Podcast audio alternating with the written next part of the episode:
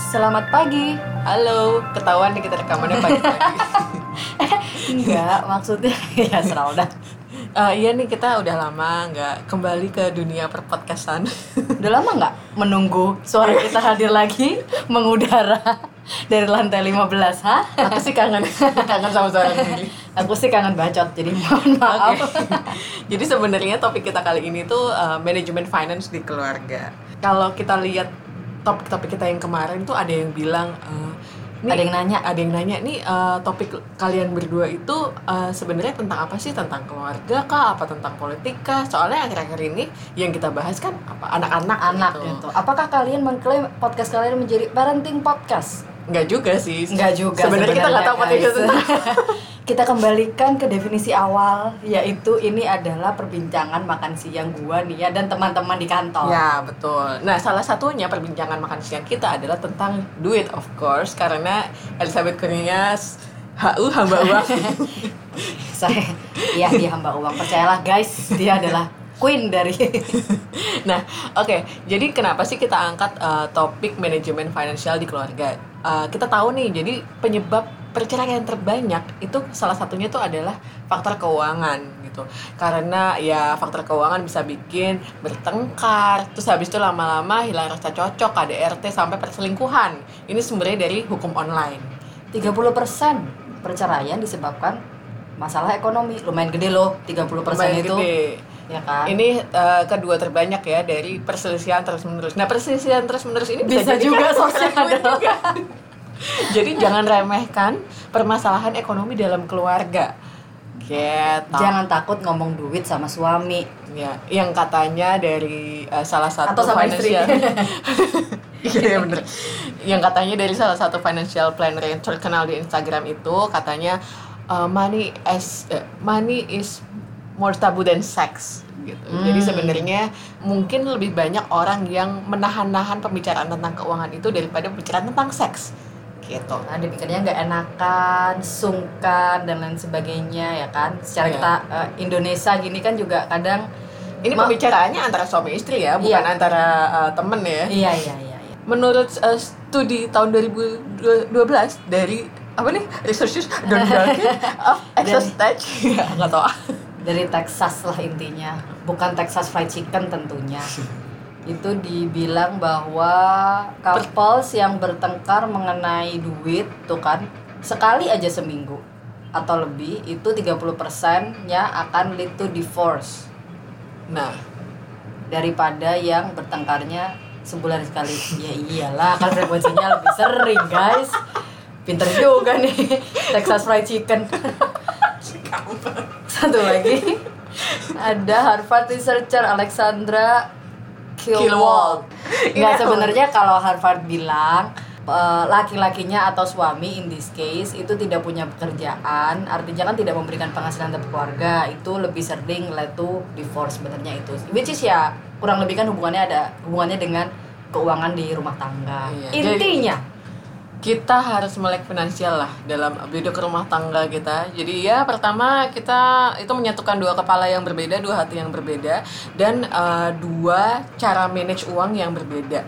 Jadi kita harus uh, membicarakan ini sama uh, pasangan. apa Jadi- aja sih? Nih, eh itu tadi ada yang mau diteruskan Bunda. Mohon maaf diselek. Jadi kira-kira apa aja sih masalah yang kita bisa sebut sebagai masalah finansial dalam rumah tangga? Hmm, ini kalau gue lihat dari surveinya di surveinya Gallup tahun 2009 ada beberapa masalah. Yang pertama lack of money. Ya ini tentu saja lah ya lack of Iya. money. Kalau kagak ada duit gimana mau hidup cuy? Jadi lo nggak bisa hidup dengan cinta aja. lack of Mamam money. cinta. Kebanyakan money juga kayaknya uh, Iya itu dia tadi ya. bilang kayak kalau kurang uang bermasalah jangan salah kebanyakan duit juga bisa aja bermasalah kan bingung ya mau di spend ke mana Waduh, itu masalah saya sehari-hari. Amin ya Allah. amin. Yang kedua itu karena kebanyakan utang. Itu kebanyakan utang juga iya. Ini soalnya masalah pribadi juga. Bukan bukan gua sih, tapi adalah seseorang di keluarga gua yang emang kebanyakan utang gitu. Dan itu emang jadi masalah Jadi lama-lama. masalah Terus selanjutnya itu owning or renting home. punya rumah atau sewa rumah Nah, ini mungkin karena sewa cicilan kali ya Betul. Ini cicilan rumahnya berlebihan menurut Bisa gua. dia nggak bisa bikin uh, rasional ya nggak bisa rasional bikin dengan- hitungan rasional dengan pendapatan. Sama satu lagi yang terakhir, rata-rata ini mungkin eh, relate juga sama orang-orang Indonesia. Eh, orang-orang itu lebih concern masalah keuangan di luar daripada di dalam. Contohnya nih ya, Hmm. kenaikan BBM. Terus misalnya kenaikan ngurusin lah inflasi, gitu. ngurusin lah kenaikan betul. PLN, ngurusin lah nanti trade war-nya Trump sama Cina gitu. Iya. Tapi urusan rumah tangga sendiri keuangannya kagak dimonitor gitu iya, kali ya. betul. Jadi sebenarnya daripada kita pusing-pusing ngurusin kenaikan BBM, kenaikan listrik, ya pusing juga sih. Atau trade war-nya China dan Amerika, ya pusing juga gitu. Daripada pusing itu, mendingan kita atur dulu di biduk rumah tangga kita. Sehat sebenarnya dulu skalanya gitu ya. lebih kecil, itu gimana gitu. Daripada memusingkan masalah-masalah luar yang tentu saja kita tidak bisa atur gitu. Jadi kita pusingin apa yang bisa kita atur aja. Oke, tapi selain yang tadi Galuh bilang ya, kayaknya juga ada beberapa hal sih menurut pengalaman, menurut moneysmart.com juga hal-hal yang bisa menjadi masalah finansial. Misalnya, menurut gue sih kayak perbedaan gaya hidup itu juga bisa. Yang satu gaya hidupnya mewah, yang satu gaya hidupnya pas-pasan aja. Itu kan juga bisa menimbulkan kecemburuan sosial, Ya, bisa betul, menimbulkan juga dispute di rumah tangga. Iya. atau enggak misalnya kalau waktu dulu pacaran makannya syaburi tiap makan gitu. Begitu di eh, udah menikah kita KFC aja yuk beb. Ntar tersinggung dibilangnya kalau dulu makan syaburi sekarang makan KFC kayak gitu-gitu. Jadi eh, mungkin juga dari pacaran juga harus me, apa namanya Harus me- melihat masing-masing iya, gimana cara reali- gaya- realistisnya gimana gitu jangan mentang-mentang pacaran syaburi mulu ya kan gendat juga lama-lama bapak ibu ya kan Iya iya iya. Iya eh, sebenarnya ini juga relate sih sama gue. Misalnya kalau gue itu nggak biasa jajan, terus suami gue itu sukanya jajan gitu. Ketika suami gue suka jajan, gue agak ngambek. Kenapa sih lo jajan mulu? Gitu. Kan ada makanan di rumah. Gitu. itu hal yang simpel-simpel aja sih. Cuman emang bisa bikin berantem. Ya, beda penghasilan ya I think ini eh, apa namanya by default biasanya sih penghasilan akan berbeda. Itu juga bisa bikin masalah kalau tidak saling mengerti lah sebenarnya kalau menurut gua ini. Ya nggak sih? Iya iya iyalah. Kalau perbedaan penghasilan, eh, suami gue penghasilannya 100 juta, gue penghasilannya satu juta. Ya itu mau. Pasti itu itu perbedaan gaya hidup juga. Yes. Kemudian tidak punya rencana keuangan. Nah, Nah, Siapa yang tidak punya rencana keuangan? Tunjuk tangan. Oh iya, kamu ya deh 250 juta orang loh. Se-Indonesia dong. bahaya banyak kok sekarang sebenarnya source-source yang bisa membantu kita buat punya rencana keuangan ya nggak sih di Betul. Instagram yang lagi hits itu financial Iya. planner Betul. untuk millennials itu ada untuk yang agak millennials agak tua dikit itu juga ada jadi cobalah dicari-cari nanti kalau misalnya butuh tahu apa nih ya bolehlah DM kita lah Jangan lupa follow saya at hello.nia. Oh my. Ya, jadi intinya banyak lah, banyak banyak vendor atau banyak servis yang bisa memberikan. Kalau misalnya, aduh susah, males belajar ya udahlah bayar aja mereka, mereka akan ngajarin lo kelar urusan. Iya, tapi menurut gue lo nggak boleh kayak gitu sih karena Oh baik Munia, baik. Iya, lo nggak boleh, lo nggak boleh males akan ini ya dari eh, nasihat dari Nia hamba uang. Oke baik. Karena kita kan tahu tadi eh, penyebab perceraian terbesar itu adalah uang. Kedua terbesar kedua adalah uang. Jadi lo nggak bisa menganggap remeh masalah ini gitu, terutama dalam rumah tangga gitu sih. Baik. Nggak lo nggak boleh malas, ingat nggak boleh malas. baik bu. Selanjutnya punya utang atau tabungan tersembunyi. Nah, Ya punya utang tersembunyi lebih khusus sih, punya tabungan tersembunyi ya oke lah. ya, Kalau kita tabungan kayak kan harta apa? 200 miliar, wow. ya, punya Iya, hutang punya ya utang tersembunyi aja lah ya. bahaya. Itu Dang. Lah. bom waktu. Terus Udah gemar membang- gemar membandingkan ya. Eh, Ibu Arin sukanya setiap dua bulan sekali jalan-jalan ke luar negeri gitu. Ya, amin aku ya sebagai aku sebagai anak yang gampang iri terus bilang sama suami aku, "Beb, Arin kok kerjanya jalan-jalan ke luar negeri kita kapan? Kita jalan-jalan ke Bogor mulu, Beb." gitu nah itu bisa menyebabkan masalah finansial juga padahal sebenarnya nggak mampu tapi karena orang lain uh, kita suka banding bandingin dengan orang lain yang misalnya Ya pendapatan realistik aja lah guys sebenarnya ya. iya betul sama betul. dompet sendiri ya. Oke, nah sekarang sebagai eh, hamba uang yang sudah sangat terpercaya Bunia, gimana sih caranya ngatur keuangan di rumah tangga Bunia? Kalau gue itu sebenarnya cara ngatur keuangan gue mungkin agak ekstrim. Mungkin ya, mungkin. Gue juga belum uh, tanya-tanya banyak orang.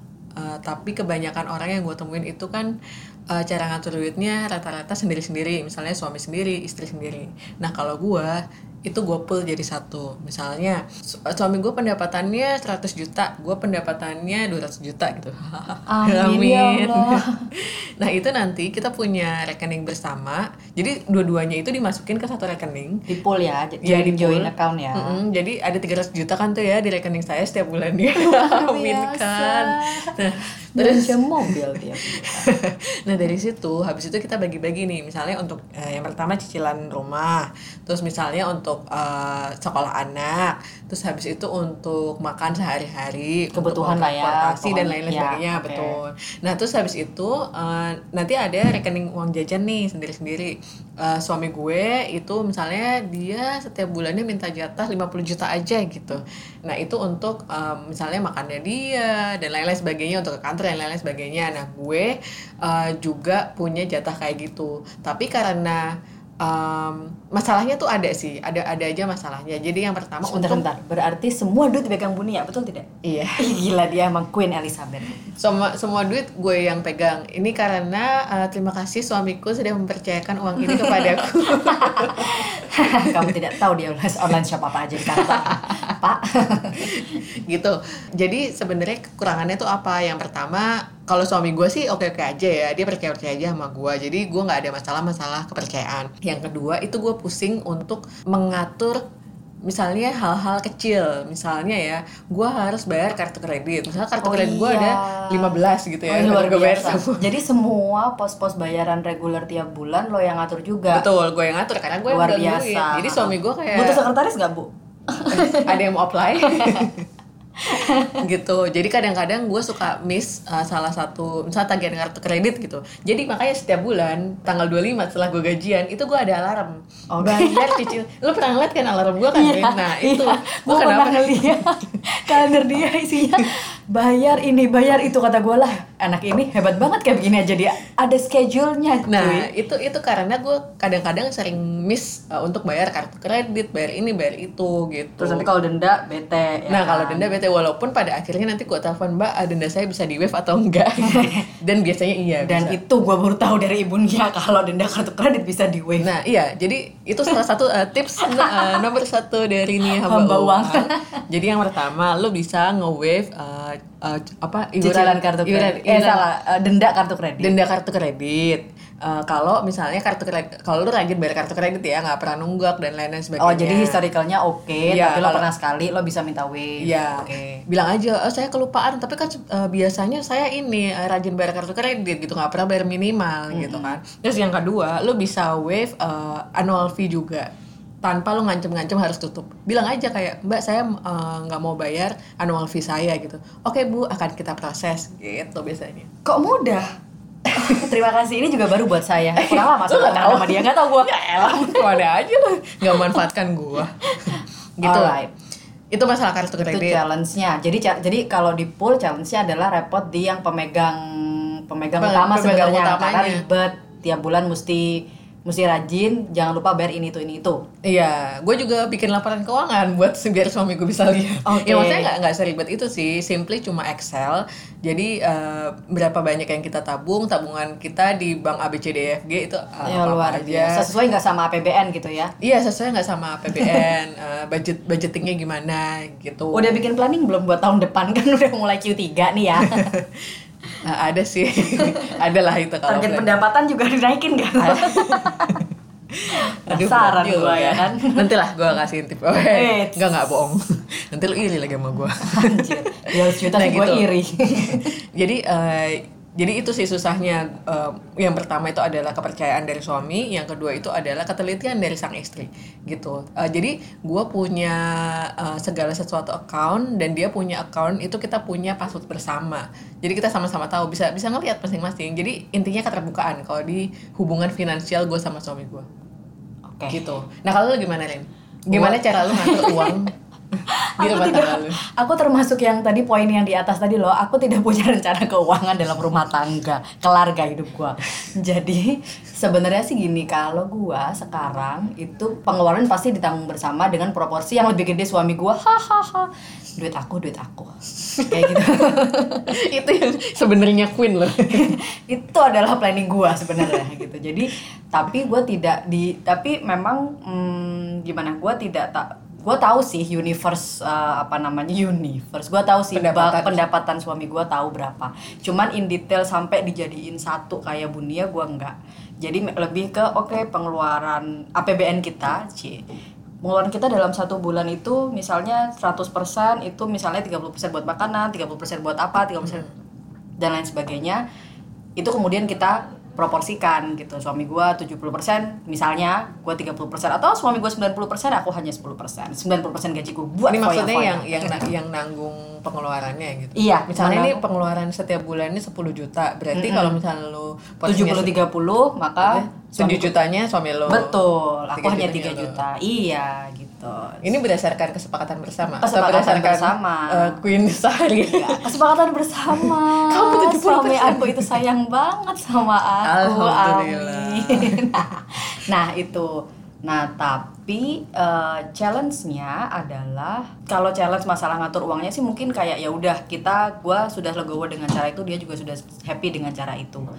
Yang mau gua share di sini adalah lebih ke pengertian akan spending sih sebenarnya. Agak hmm. beda dikit sama Bunia gitu ya. Uh, kalau kalau uh, hal-hal yang mesti gua aja dalam dalam uh, rumah tangga dan urusan spending adalah gue baru tahu kalau bukan baru tahu sih gue tahu suami gue punya hobi mengenai perbengkelan itu dari pacaran. Tapi gue nggak tahu kalau itu harus ada posnya tiap bulan guys ternyata. Oh, sedangkan lumayan banyak ya posnya ya? Mm-mm. jangan mikir beli mobil tiap bulan ya? Enggak. Enggak belum belum ke sana. Hot Wheels bisa mungkin. Menuju ke sana ya boleh lah. Aku juga tidak. aku juga tidak membatasi. Tapi apa tidak membatasi beli mobil oh, setiap boleh. bulan? Kalau dia bisa beli mobil aku bisa liburan kan? Ini intinya masalah pengertian. Nah jadi intinya hobi suami gue adalah permobilan lah entahlah itu dia beli busil lah apa perbesian-besian yang gue tidak paham itu.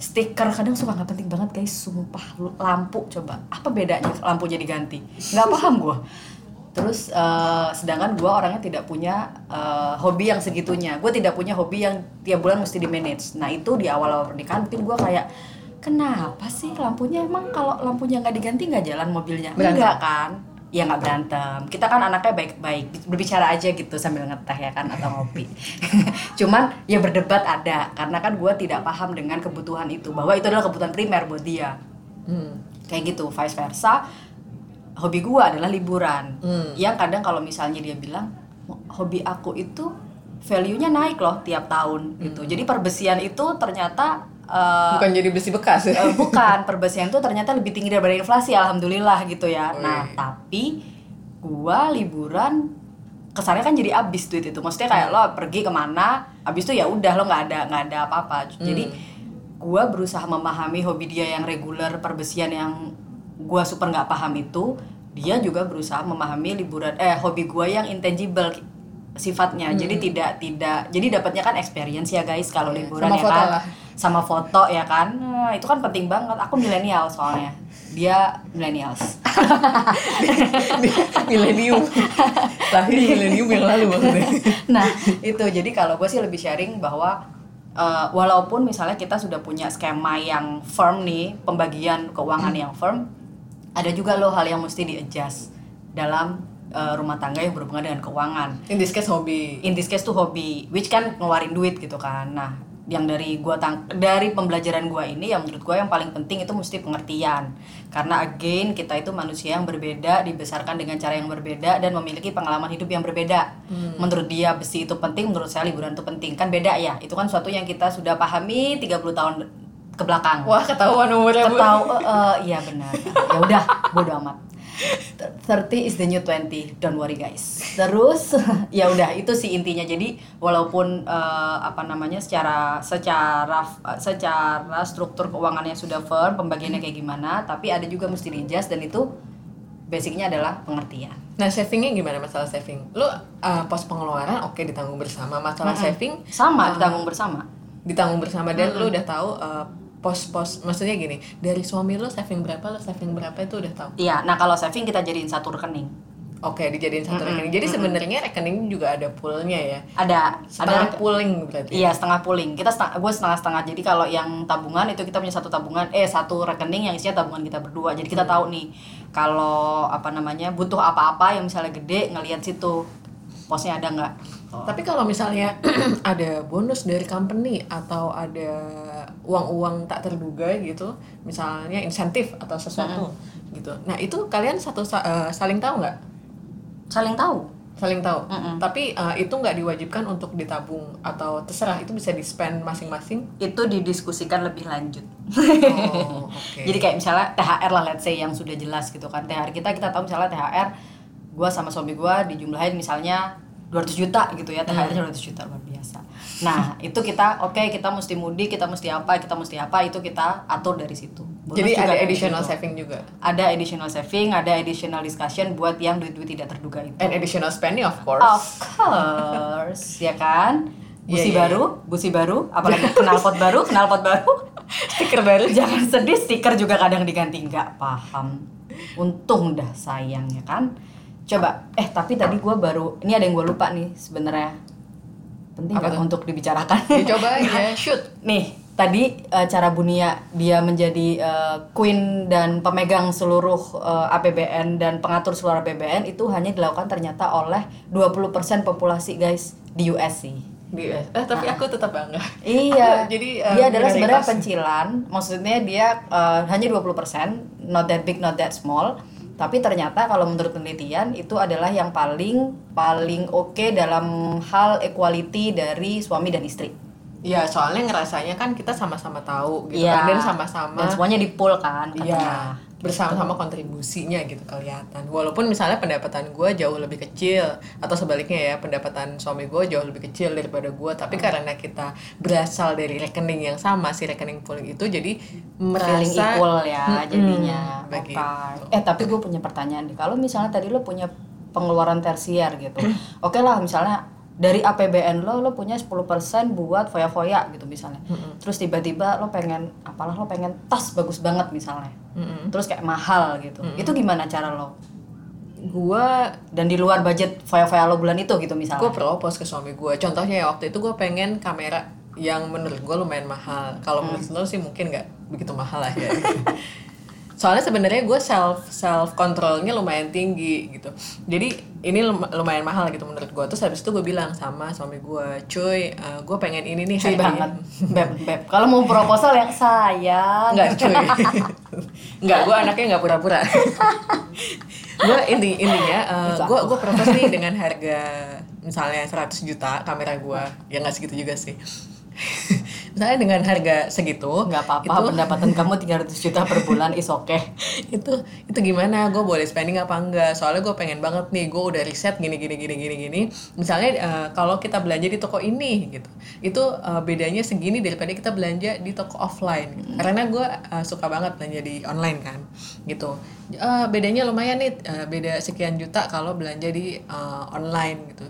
Ini udah harga paling murah gimana? Oh let meeting kata dia gitu. Oke boleh, tapi misalnya uh, kita cicil ya sekian bulan gitu. Atau ya berarti kamu jatah liburannya berkurang ya gitu. Oh jadi dikompensate. Ada. Ada pos-pos yang mesti dikompensate kalau misalnya butuh ah, kita mau ngeluarin hal yang besar dan untuk kebutuhan tersier. Betul. Atau kamu nggak makan tiga hari gitu. Oke, baik. Oke, Enggak enggak enggak itu bercanda. nggak apa-apa lah kurus juga kan. Iya. Ya, oke. Alright. Nah, sekarang kan tadi ada boleh nggak kita sum dulu? Kita tadi udah Boleh ngomong lah. apa aja. Jadi kita tahu bahwa itu eh, masalah keuangan adalah hal penting. Yang pertama dan itu lead to divorce in 30%. Jadi kita mesti hati-hati dan kita mesti mulai bicara. Mm-mm. Yang kedua Kalau belum bicara mulai bicara, Mulai. kalau sudah bicara dipertahankan. Ya, betul. Nah, yang kedua ada banyak hal yang bisa memicu percekcokan tentang saving ada, tentang spending ada, tentang behavior ada gitu kan.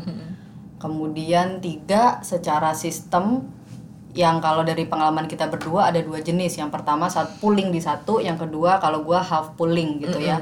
Nah, sekarang topik selanjutnya adalah apa sih yang bisa kita lakukan sehingga meminimalisir itu. Hmm. Kalau kalau menurut gua dari pengalaman Ci. Luar biasa. Dia queen Coba- guys. Enggak cuy. Sebenarnya kalau eh, masalah duit itu yang penting itu ada self control.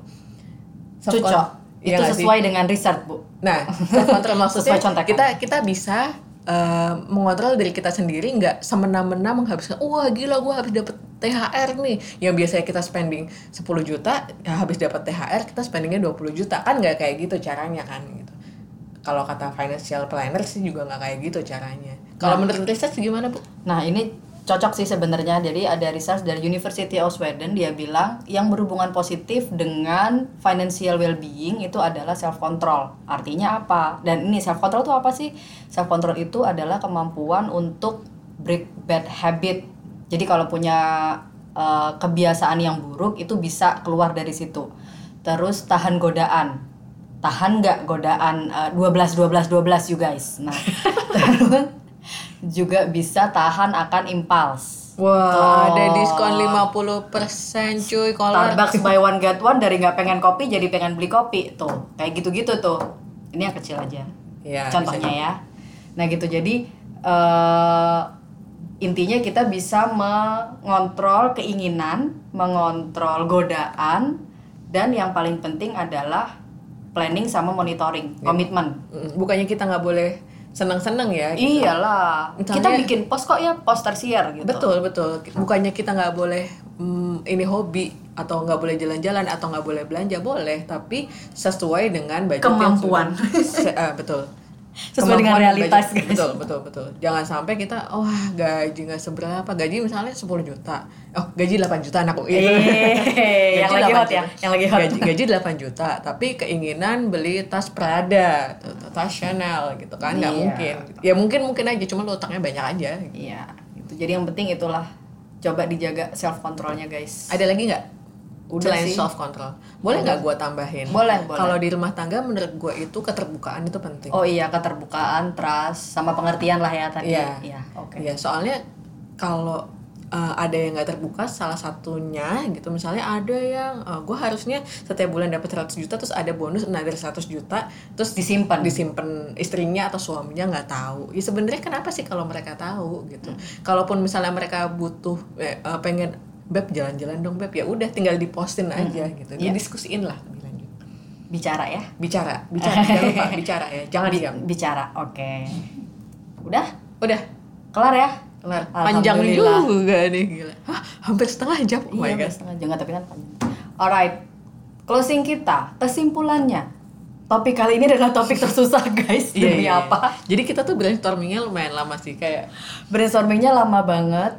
Dan interview Cari sumbernya orang. juga susah. Betul. Sampai kita interview banyak orang, beberapa orang, nggak usah lebay. untuk kayak ini enaknya ngebahasnya gimana ya, Ya, benda betul. ini gitu. Kayak ini menarik tapi kok susah ternyata kalau disusun. Iya. Mohon maaf itu saya yang mentro. Nanti kita cari yang lain aja lah. Anyway, ya kita dengan podcast ini yang paling penting adalah kita paham bahwa ini membicarakan keuangan itu penting dalam rumah Ya, tangga. itu yang kita encourage ya Iya. dari topik kali ini. Kita coba gain awareness-nya dulu. Oke lah, semoga bermanfaat. See you and bye bye. See you guys, bye-bye. Bye.